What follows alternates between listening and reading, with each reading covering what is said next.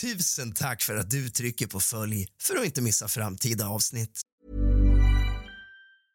Cool fact a crocodile can't stick out its tongue. Also, you can get health insurance for a month or just under a year in some states. United Healthcare short term insurance plans, underwritten by Golden Rule Insurance Company, offer flexible, budget friendly coverage for you. Learn more at uh1.com. When you're ready to pop the question, the last thing you want to do is second guess the ring. At Bluenile.com, you can design a one of a kind ring with the ease and convenience of shopping online. Choose your diamond and setting. When you find the one, you'll get it delivered right to your door. Go to Bluenile.com and use promo code LISTEN to get $50 off your purchase of $500 or more. That's code LISTEN at Bluenile.com for $50 off your purchase. Bluenile.com code LISTEN. I'm Sandra, and I'm just the professional your small business was looking for. But you didn't hire me because you didn't use LinkedIn jobs. LinkedIn has professionals you can't find anywhere else, including those who aren't actively looking for a new job but might be open to the perfect role, like me. In a given month, over 70% of LinkedIn users don't visit other leading job sites. So if you're not looking on LinkedIn, you'll miss out on great candidates like Sandra. Start hiring professionals like a professional. Post your free job on linkedin.com/people today. Tack för att du trycker på följ för att inte missa framtida avsnitt. Alfonsi Gabriel Capone 17 januari 1899 till 25 januari 1947 ibland känd under smeknamnet Scarface var en amerikansk gangster och affärsman som blev känd under förbudstiden som medgrundare och chef för Chicago Outfit. Hans sjuåriga regeringstid som brottsboss tog slut när han vid 33 års ålder hamnade i fängelse. Det här är historien om Al Capone. Hämta lite sällskap och någonting varmt och gott att dricka. Släck alla lampor och tänd alla ljus. För nu börjar dagens avsnitt av kusligt, rysligt och mysigt.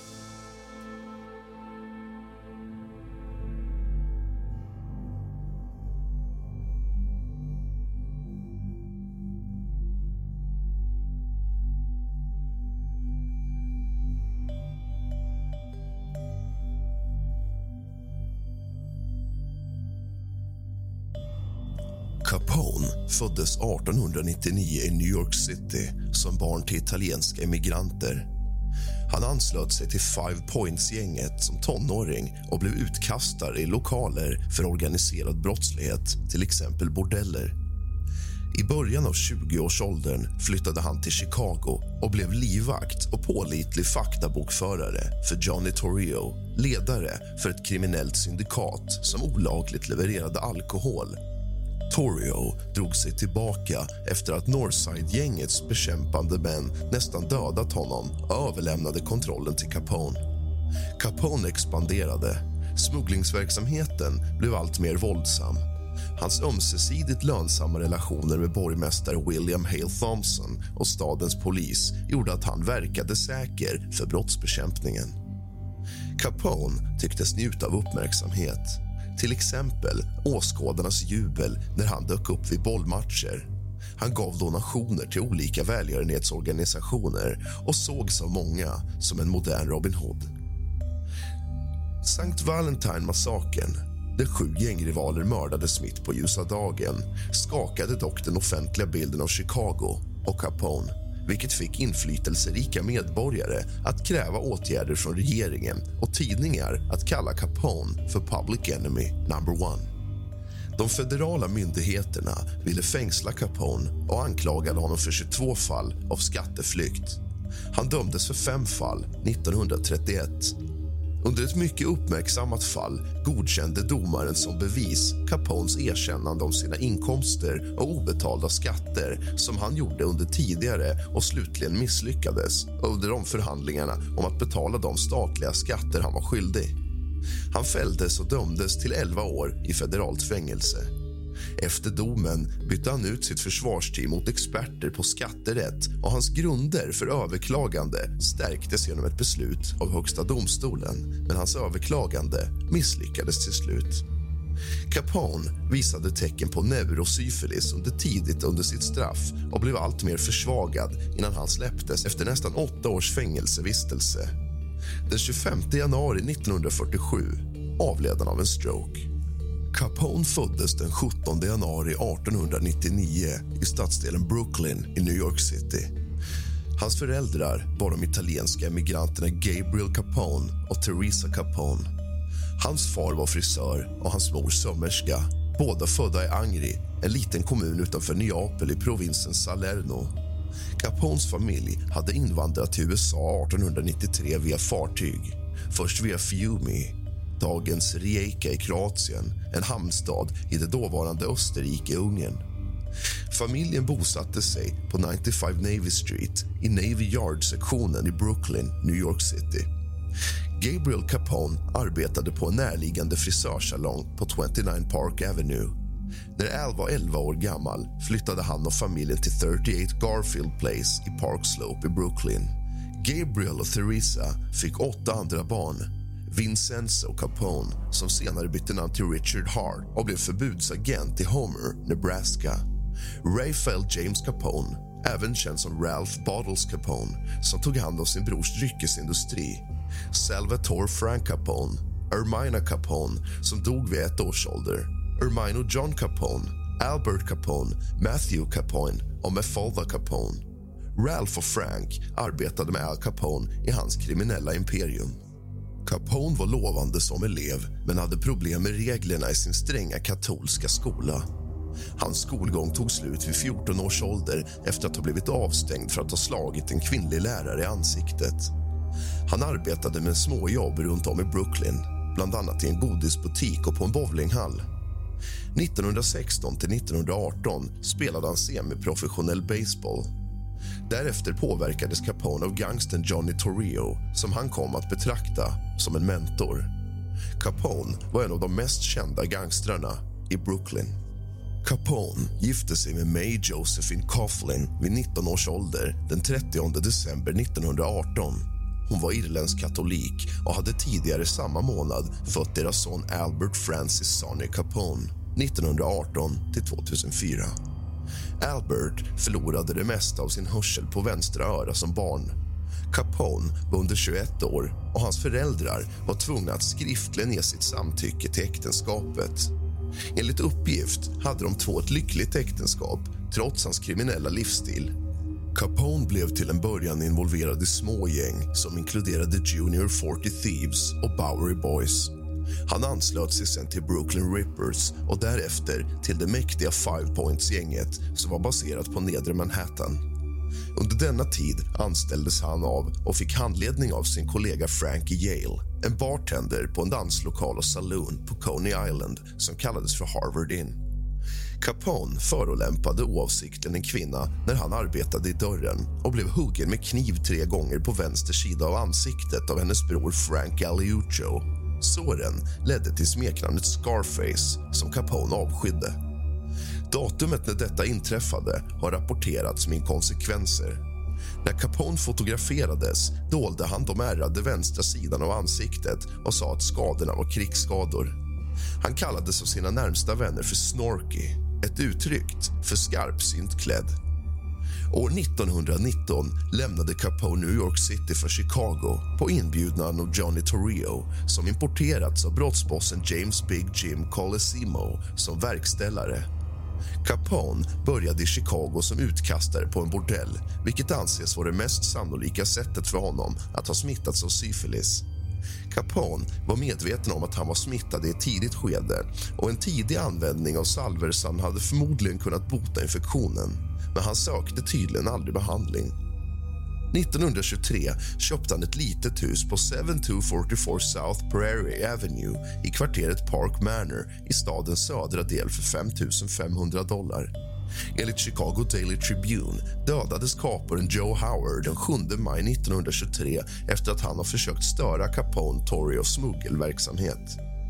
Under de första åren av årtiondet började hans namn dyka upp på tidningarnas sportsidor där han beskrevs som en boxningspromoter. Torrio tog över Colosimos kriminalimperium efter den sistnämndes mord den 11 maj 1920 där Capone misstänktes vara inblandad. Torrio ledde i huvudsak en italiensk organiserad brottsgrupp som var den största i staden med Capone som sin högra hand han var försiktig med att dras in i gängkrig och försökte förhandla fram avtal om territorier mellan rivaliserande kriminella grupper. Det mindre Northside Gang, som leddes av Dean O'Banion kom under press från bröderna Jenna, som var allierade med Torrio. O'Banion tyckte att Torrio inte var till någon hjälp när det gällde Jennas intrång i Northside trots hans anspråk på att vara en förlikningsman i tvister. I ett ödesdigert steg arrangerade Torrio mordet på O'Banion i hans blomsteraffär den 10 november 1924. Detta placerades i Jaime Wise i ledning för gänget med stöd av Vincent Drusio och Bugs Moran. Wise hade varit en nära vän till O'Banion. Northsiders gjorde det till en prioritet att hämnas på hans mördare.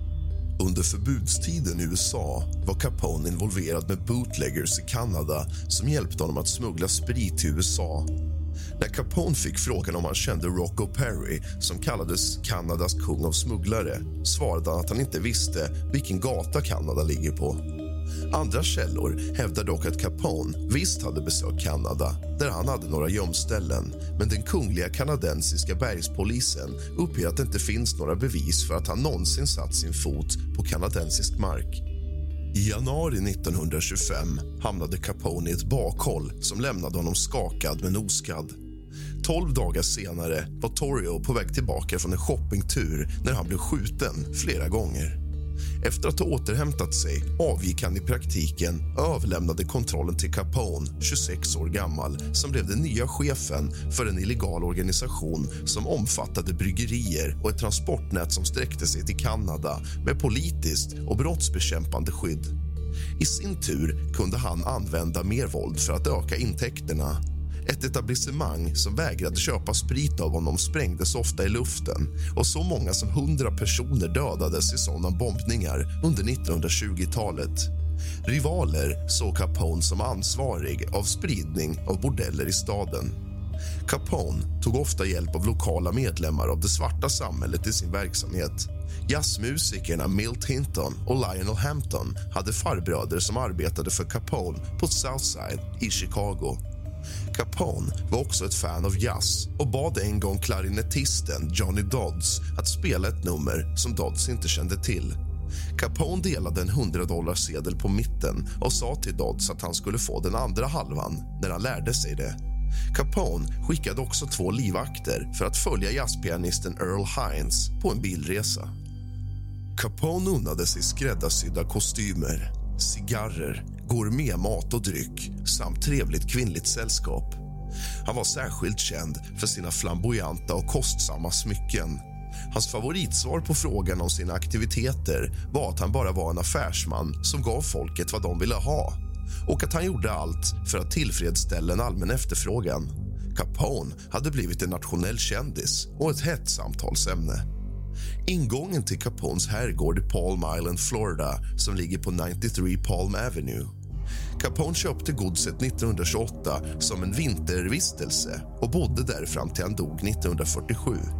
Han baserade sig i Cicero, Illinois efter att ha använt sig av mutor och utbredd skrämseltaktik för att ta över valet till stadsfullmäktige vilket gjorde det svårt för Northsiders att rikta in sig på honom. Hans chaufför hittades torterad och mördad och det skedde ett mordförsök på Wise i Chicagos Loop. Den 20 september 1926 använde Northside-gänget ett trick utanför Capones högkvarter på Hawthorne Inn med syfte att locka honom till fönstret. Beväpnade män i flera bilar öppnade sen eld mot Thompson-maskinpistoler och hagelgevär mot fönstret i restaurangen på första våningen. Capone var oskadd och uppmanade till vapenvila, men förhandlingarna misslyckades. Tre veckor senare, den 11 oktober, mördades Wise utanför den före detta blomsterbutiken O'Banion Flower Shop, Northsides huvudkontor. Ägaren till Hawthorns restaurang var en vän till Capone och han kidnappades och dödades av Moran och Drucci i januari 1927. Rapporter om Capones skrämselteknik blev välkända till den grad att det påstods att vissa företag, till exempel tillverkarna av Vineglow använde sig av påstådda Capone-hot som marknadsföringstaktik.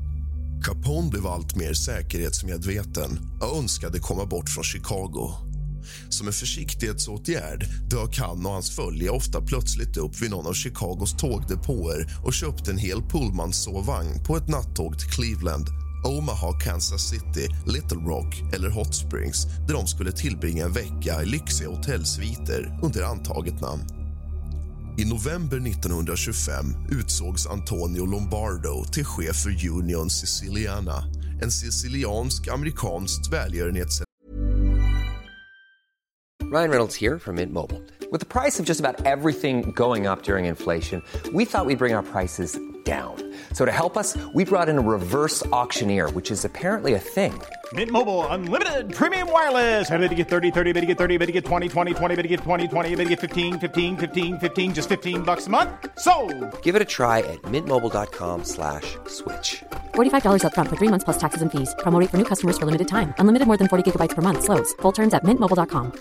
Quality sleep is essential. That's why the Sleep Number Smart Bed is designed for your ever evolving sleep needs. Need a bed that's firmer or softer on either side? Helps you sleep at a comfortable temperature? Sleep Number Smart Beds let you individualize your comfort so you sleep better together. JD Power ranks Sleep Number number 1 in customer satisfaction with mattresses purchased in-store. And now, save 50% on the Sleep Number limited edition Smart Bed for a limited time. For JD Power 2023 award information, visit jdpower.com/awards. Only at a Sleep Number store or sleepnumber.com. How would you like to look five years younger? In a clinical study, people that had volume added with Juvederm Voluma XC in the cheeks perceived themselves as looking five years younger at six months after treatment. Look younger, feel like you. Add volume for lift and contour in the cheeks with Juvederm Voluma XC. Reverse signs of aging by adding volume to smooth laugh lines with Juvederm Volure XC. For important safety information and to find a licensed specialist, visit juvederm.com. That's J U V E D E R M.com. Not for people with severe allergic reactions, allergies to lidocaine, or the proteins used in Juvederm. Common side effects include injection site redness, swelling, pain, tenderness, firmness, lumps, bumps, bruising, discoloration, or itching. There's a risk of unintentional injection into a blood vessel, which can cause vision abnormalities, blindness, stroke, temporary scabs, or scarring. Talk to a licensed specialist to find out if it's right for you. som hade korrumperats av gangsters. En rasande Joe Aiello, som själv hade velat ha posten trodde att Capone var ansvarig för Lombardos uppstigning och han ogillade den icke-sicilianske mannens försök att manipulera affärerna inom Union. Aiello bröt alla personliga och affärsmässiga band med Lombardo och inledde en fejd med honom och Capone. Aiello allierade sig med flera andra fiender till Capone bland annat Jack Suta, som tillsammans drev sedlighets och spelhus. Aiello planerade att eliminera både Lombardo och Capone och från och med våren 1927 gjorde han flera försök att mörda Capone. Vid ett tillfälle erbjöd Aiello kocken på Joseph Diamond Joe Espitos Bella Napoli Café, Capones favoritrestaurang, pengar för att lägga kaustiksyra i Capone och Lombardos soppa. Enligt rapporter erbjöd han mellan 10 000 och 35 000 dollar. Istället avslöjade kocken komplotten för Capone som svarade med att skicka män som förstörde en av Aielos butiker på West Division Street med kulspruteeld. Mer än 200 kulor avfyrades in i Aielos bröders bageri den 28 maj 1927 vilket skadade Joes bror Antonio. Under sommaren och hösten 1927 mördades ett antal torpeder som Aiello anlitade för att döda Capone själv. Bland dem fanns Anthony Russo och Vincent Spicusa som var en av dem som hade erbjudits 25 000 dollar av Aiello för att mörda Capone och Lombardo. Aiello erbjöd till slut en belöning på 50 000 dollar till den som eliminerade Capone. Minst tio revolvermän försökte hämta ut Aiellos belöning men slutade med att de själva dog. Capones allierade Ralph Sheldon försökte döda både Capone och Lombardo för Aiellos belöning men Capones hantlangare Frank Nittis underrättelsenätverk fick reda på transaktionen och lät Sheldon skjutas framför ett hotell på Westside även om han inte dog. I november 1927 organiserade Aiello ett bakhåll med maskingevär mittemot Lombardos hem och en cigarrbutik som Capone brukade besöka.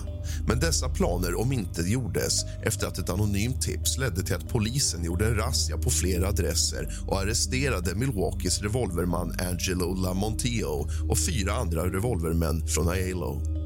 Efter att polisen upptäckte kvitton för lägenheterna i Lamantios fickor erkände han att Aiello hade anlitat honom för att döda Capone och Lombardo vilket ledde till att polisen arresterade Aiello själv och förde honom till polisstationen på South Clark Street. När Capone fick reda på gripandet skickade han nästan två dussin beväpnade män för att stå vakt utanför stationen och invänta Aiellos frigivning. Männen gjorde inga försök att dölja sitt syfte där och reportrar och fotografer skyndade sig till platsen för att observera Aiellos förväntade mord. Huvudpersonerna i Chicagos politik hade länge varit förknippade med tvivelaktiga metoder och till och med krig om tidningsupplagor men behovet om att bootleggers skulle ha skydd i stadshuset introducerade en mycket allvarligare nivå av våld och mutor. Capone anses i allmänhet ha haft en märkbar inverkan på republikanen William Hale Thompsons seger särskilt i borgmästarvalet 1927 då Thompson kampanjade för en vidöppen stad. Vid ett tillfälle antydde han att han skulle återöppna illegala salooner. En sån proklamation bidrog till att hans kampanj fick Capones stöd och han påstods ha accepterat ett bidrag på 250 000 dollar från gangstern. En annan politiker, Joe Espito blev en politisk rival till Capone och den 21 mars 1928 dödades Espito i en skjutning i en bilolycka framför sitt hus. Capone fortsatte att stödja Thompson. Röstningsbås riktades av Capones bombman James Belaccho mot de distrikt där Thompsons motståndare ansågs ha stöd. På valdagen den 10 april 1928 i den så kallade Pineapple Primary ledde det till att 15 personer dog. Bel Castro anklagades för mordet på advokaten Octavius Grandy en afroamerikan som utmanade Thompson som kandidat och de afroamerikanska rösterna som jagades genom gatorna på valdagen av bilar med beväpnade män innan han sköts ihjäl. Fyra poliser var bland dem som åtalades tillsammans med Bel Castro men alla anklagelser lades ner efter att nyckelvittnen återkallat sina vittnesmål. En indikation på den lokala brottsbekämpningens inställning till Capones organisation kom 1931 när Bel Castro skadades i en skottlossning. Polisen antydde för skeptiska journalister att Bel Castro var en oberoende aktör. I en rapport från 1929 i New York Times kopplades Capone samman med mordet 1926 på biträdande statsåklagare William H. McSwigging mordet 1928 på chefsutredare Ben Newman och den tidigare mentorn Frank Yale. Capone antogs allmänt vara ansvarig för beställningen av St. Valentine's Day Massacre 1929 trots att han befann sig i sitt hem i Florida vid tidpunkten för massakern.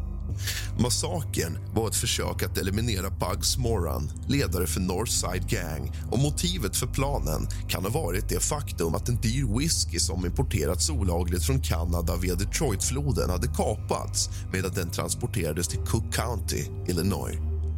Moran var den sista överlevande av Northside-gänget Hans succession hade kommit till stånd eftersom hans lika aggressiva föregångare Wise och Vincent Rucci hade dödats i de våldsamheter som följde mordet på den ursprungliga ledaren Dino O'Banion. För att övervaka sina måltavlors vanor och rörelser hyrde Capones män en lägenhet mitt emot lastbilsmagasinet och garaget på 2122 North Clark Street som fungerade som Morrens högkvarter.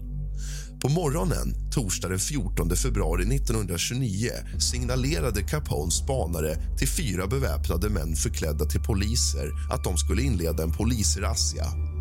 De falska poliserna radade upp de sju offren längs en vägg och signalerade till medbrottslingar beväpnade med maskingevär och hagelgevär. Moran var inte bland offren. Bilder av de dödade offren chockerade allmänheten och skakade Capones image. Inom några dagar fick Capone en kallelse att vittna inför en stor jury i Chicago om anklagelser om federala förbudsbrott men han hävdade att han mådde för dåligt för att närvara. I ett försök att rensa upp sin image donerade Capone till välgörenhetsorganisationer och sponsrade ett soppkök i Chicago under depressionen. Massakern på alla hjärtans dag ledde till att allmänheten blev orolig för Thompsons allians med Capone och var en faktor som bidrog till att Anton J. Searmark vann borgmästarvalet den 6 april 1931. Capone var främst känd för att beordra andra män att göra sitt smutsiga arbete åt honom. I maj 1929 avslöjade en av Capones livvakter, Frank Rio en komplott av tre av hans män Albert Anselmi, John Scalisi och Joseph Gianta som hade övertalats av Aiello att avsätta Capone och ta över Chicago Outfit.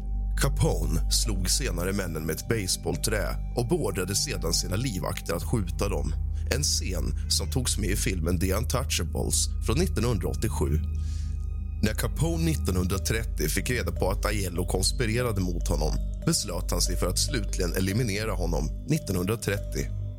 Veckorna före Aiellos död spårade Capones män honom till Rochester, New York där han hade kontakter inom Buffalos brottslingsfamilj Stefano Magadino och konspirerade för att döda honom där. Men Aiello återvände till Chicago innan komplotten kunde verkställas. Aiello, som var ångestladdad av det ständiga behovet att gömma sig och att flera av hans män dödats bosatte sig i Chicago i en lägenhet som tillhörde Union Sicilian skattmästare Pascal Pasti Presto. Den 23 oktober, när han lämnade Pastagone-Comos byggnaden för att gå in i en taxi började en beväpnad man i ett fönster på andra våningen på andra sidan gatan skjuta mot Aiello med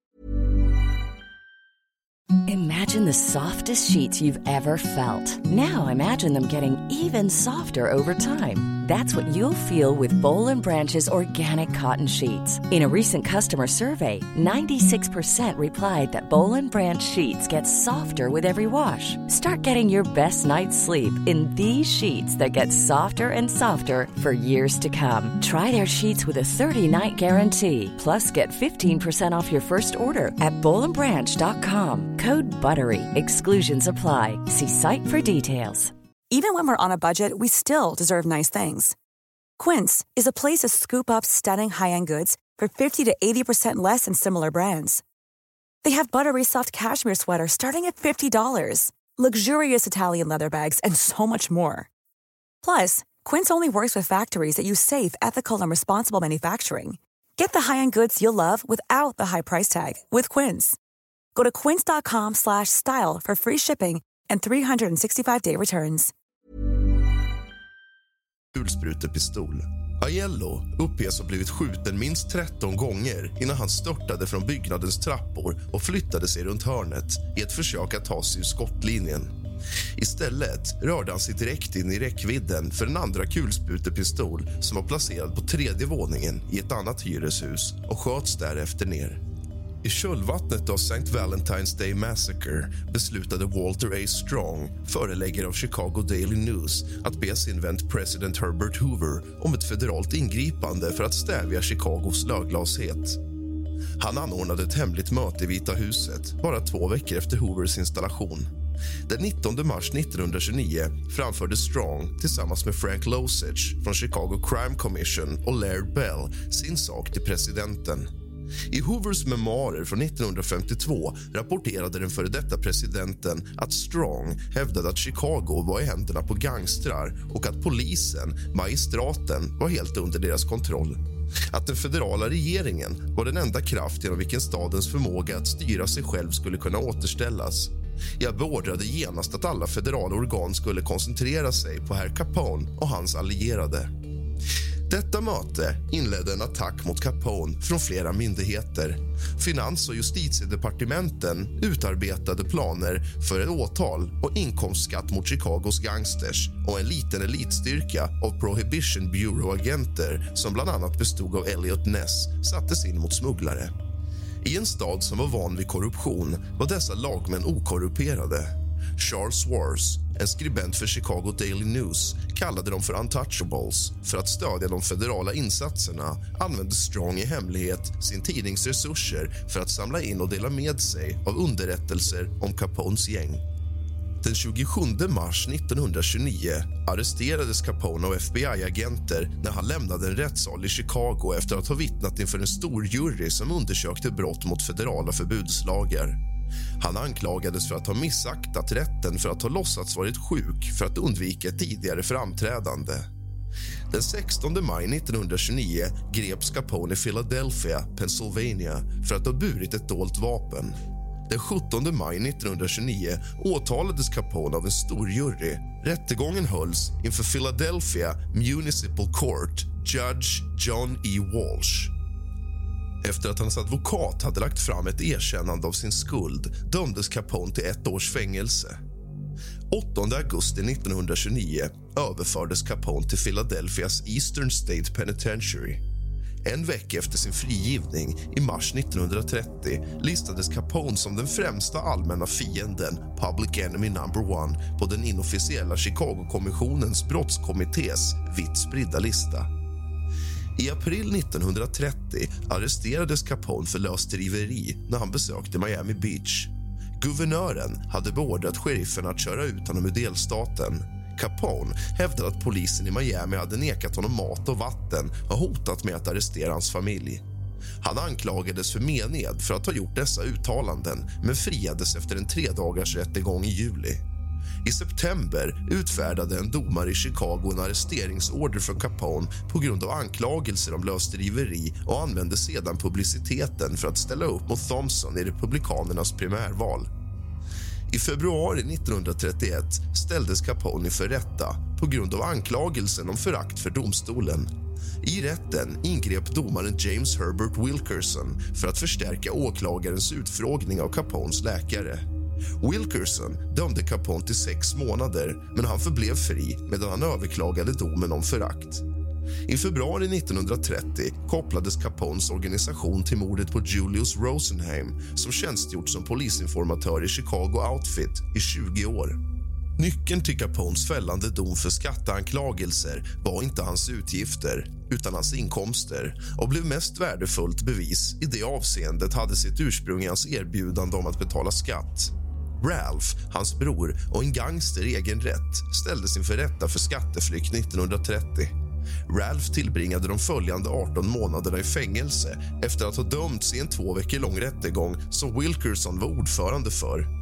I sin strävan att undvika samma öde beordrade Al Capone sin advokat att reglera sin skattesituation. Även om det inte skedde gjorde hans advokat avgörande medgivanden när han uppgav de inkomster som Capone var villig att betala skatt för på olika år och medgav till exempel inkomster på 100 000 dollar för 1928 och 1929 utan någon utredning hade regeringen alltså fått ett brev från en advokat som agerade för Capones räkning där han medgav att han hade stora skattepliktiga inkomster för vissa år som inte hade betalat någon skatt för.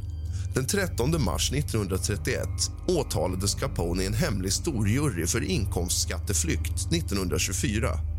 Den 5 juni 1931 åtalades Capone av en federal storjury för 22 fall av inkomstskatteflykt från 1925 till 1929. Han släpptes mot borgen på 50 000 dollar men åtalades senare för 5 000 överträdelser av Volstead Act, förbudslagarna. Efter många fler rättsliga tvister skickades Capone till slut till ett amerikanskt fängelse i Atlanta i maj 1932 vid 33 års ålder. Vid sin ankomst till Atlanta fick Capone officiellt diagnosen syfilis och gonorré. Han hade också abstinenssymptom från kokainberoende vars användning hade perforerat hans nässkiva. Capone var kompetent i sitt fängelsejobb där han sydde sulor på skor åtta timmar om dagen medan hans brev var knappt sammanhängande. Han ansågs vara en svag personlighet och var så pass okunnig när det gällde att mobba medfångarna att hans cellkamrat Red Rudensky fruktade att Capone skulle få ett sammanbrott. Rudensky var tidigare en småbrottsling med koppling till Capone-gänget och fann sig själv bli en beskyddare för Capone. Den påfallande skyddaren av Rudensky och andra fångar drog till sig anklagelser från mindre vänliga fångar och underblåste misstanken om att Capone fick specialbehandling. Inga solida bevis framkom någonsin men det utgjorde en del av motiveringen till att Capone flyttades till det nyligen öppnade federala fängelset Alcatraz utanför San Francisco-kusten i augusti 1934. Den 23 juni 1936 knivhöggs Capone och skadades ytligt av en Alcatraz-fånge, James C. Lucas. Capone fick en kniv och blev ytligt skadad av en annan fånge. På grund av sitt goda uppförande fick Capone tillåtelse att spela banjo i Alcatraz-fängelsets band Rock Islanders som gav regelbundna söndagskonserter för andra fångar. Capone transkriberade också låten Madonna Mia och skapade ett eget arrangemang som en hyllning till sin hustru May. På Alcatraz blev Capones nedgång allt tydligare eftersom neurosyfilis successivt urholkade hans mentala förmågor. Den formella diagnosen syfilis i hjärnan ställdes i februari 1938. Han tillbringade det sista året av sitt fängelsestraff på Alcatraz sjukhusavdelning förvirrad och disorienterad. Capone avslutade sitt straff på Alcatraz den 6 januari 1939 och överfördes till den federala kriminalvårdsanstalten på Terminal Island i Kalifornien för att avtjäna sitt straff för missaktning av domstol. Han beviljades villkorlig frigivning den 16 november 1939 efter att hans fru May överklagat till domstolen med hänvisning till hans nedsatta mentala förmågor. Han var inte längre i stånd att avtjäna sitt straff för missaktning av domstol. Den viktigaste effekten av Capones fällande dom var att han upphörde att vara boss omedelbart efter fängelsedomen. Men det var inblandade i fängslingen av Capone beskrev det som att det avsevärt underminerade staden organiserades brottssyndikat. Capones underboss, Frank Nitti, tog över som chef för Outfit efter att ha släppts ur fängelset i mars 1932 efter att också ha dömts för skatteflykt. Långt ifrån krossad fortsatte Outfit utan att besväras av Chicago-polisen men på en mycket lägre nivå och utan öppet våld som hade präglats Capones styre. Den organiserade brottsligheten i staden hade en lägre profil efter förbudet hade upphävts och var redan försiktig med uppmärksamhet efter att ha sett Capones ryktbarhet att få honom på fall till den grad att det fanns en brist på konkurrens bland författare om vem som faktiskt hade kontrollen och vem som var en galjonsfigur, en så kallad frontboss. Prostitution, facklig utpressning och spelande blev penningatillverkare för den organiserade brottsligheten i staden utan att det ledde till allvarliga utredningar. I slutet av 50-talet upptäckte FBI-agenter en organisation ledd av Capones tidigare löjtnanter som regerade över Chicagos undre värld. Vissa historiker har spekulerat i att Capone beordrade mordet på Edward J. O'Hare 1939 en vecka före hans frigivning för att han hade hjälpt federala åklagare att fälla Capone för skatteflykt även om det finns andra teorier om O'Hares död. På grund av sin sviktande hälsa släpptes Capone från fängelset den 16 november 1939 och hänvisades till John Hopkins Hospital i Baltimore för behandling av syfilis pares. På grund av hans osmakliga rykte vägrade John Hopkins att behandla honom men Union Memorial Hospital var villig att ta emot honom som patient. Capone var tacksam för den medmänskliga vård han fick och donerade två japanska grötkörsbärsträd till Union Memorial Hospital 1939. Efter några veckors vård inom och utanför sjukhuset lämnade en mycket sjuk Capone Baltimore den 20 mars 1940 för att resa till sin herrgård på Palm Island i Florida. 1942, efter massproduktionen av penicillin som påbörjats i USA var Capone en av de första amerikanska patienter som behandlades med detta nya läkemedel. 1942 var det visserligen för sent för att han skulle kunna vända skadorna på hjärnan men det bromsade upp sjukdomsutvecklingen.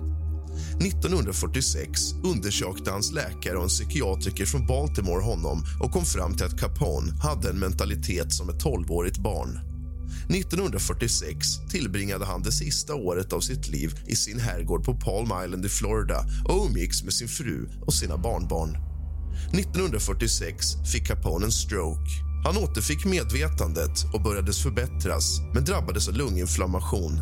Han dog till slut den 25 januari omgiven av sin familj i sitt hem. Hans kropp transporterades tillbaka till Chicago en vecka senare hölls en privat begravning. Han begravdes ursprungligen på Mount Olivet Cemetery i Chicago. 1950 flyttades Capones kvarlever tillsammans med hans far Gabriel och hans bror Frank till Mount Carmel Cemetery Hillside i Illinois. Nu siktar vi på ett grymt 2023 tillsammans. Tack för att ni har funnits vid poddens sida och lyssnat dedikerat under 2022. Vi blickar framåt mot 2023 med mera mys, mera mörker, mera kyla och mera tända ljus. Du har lyssnat på kusligt, rysligt och mysigt av och med mig, Rask. Sov gott.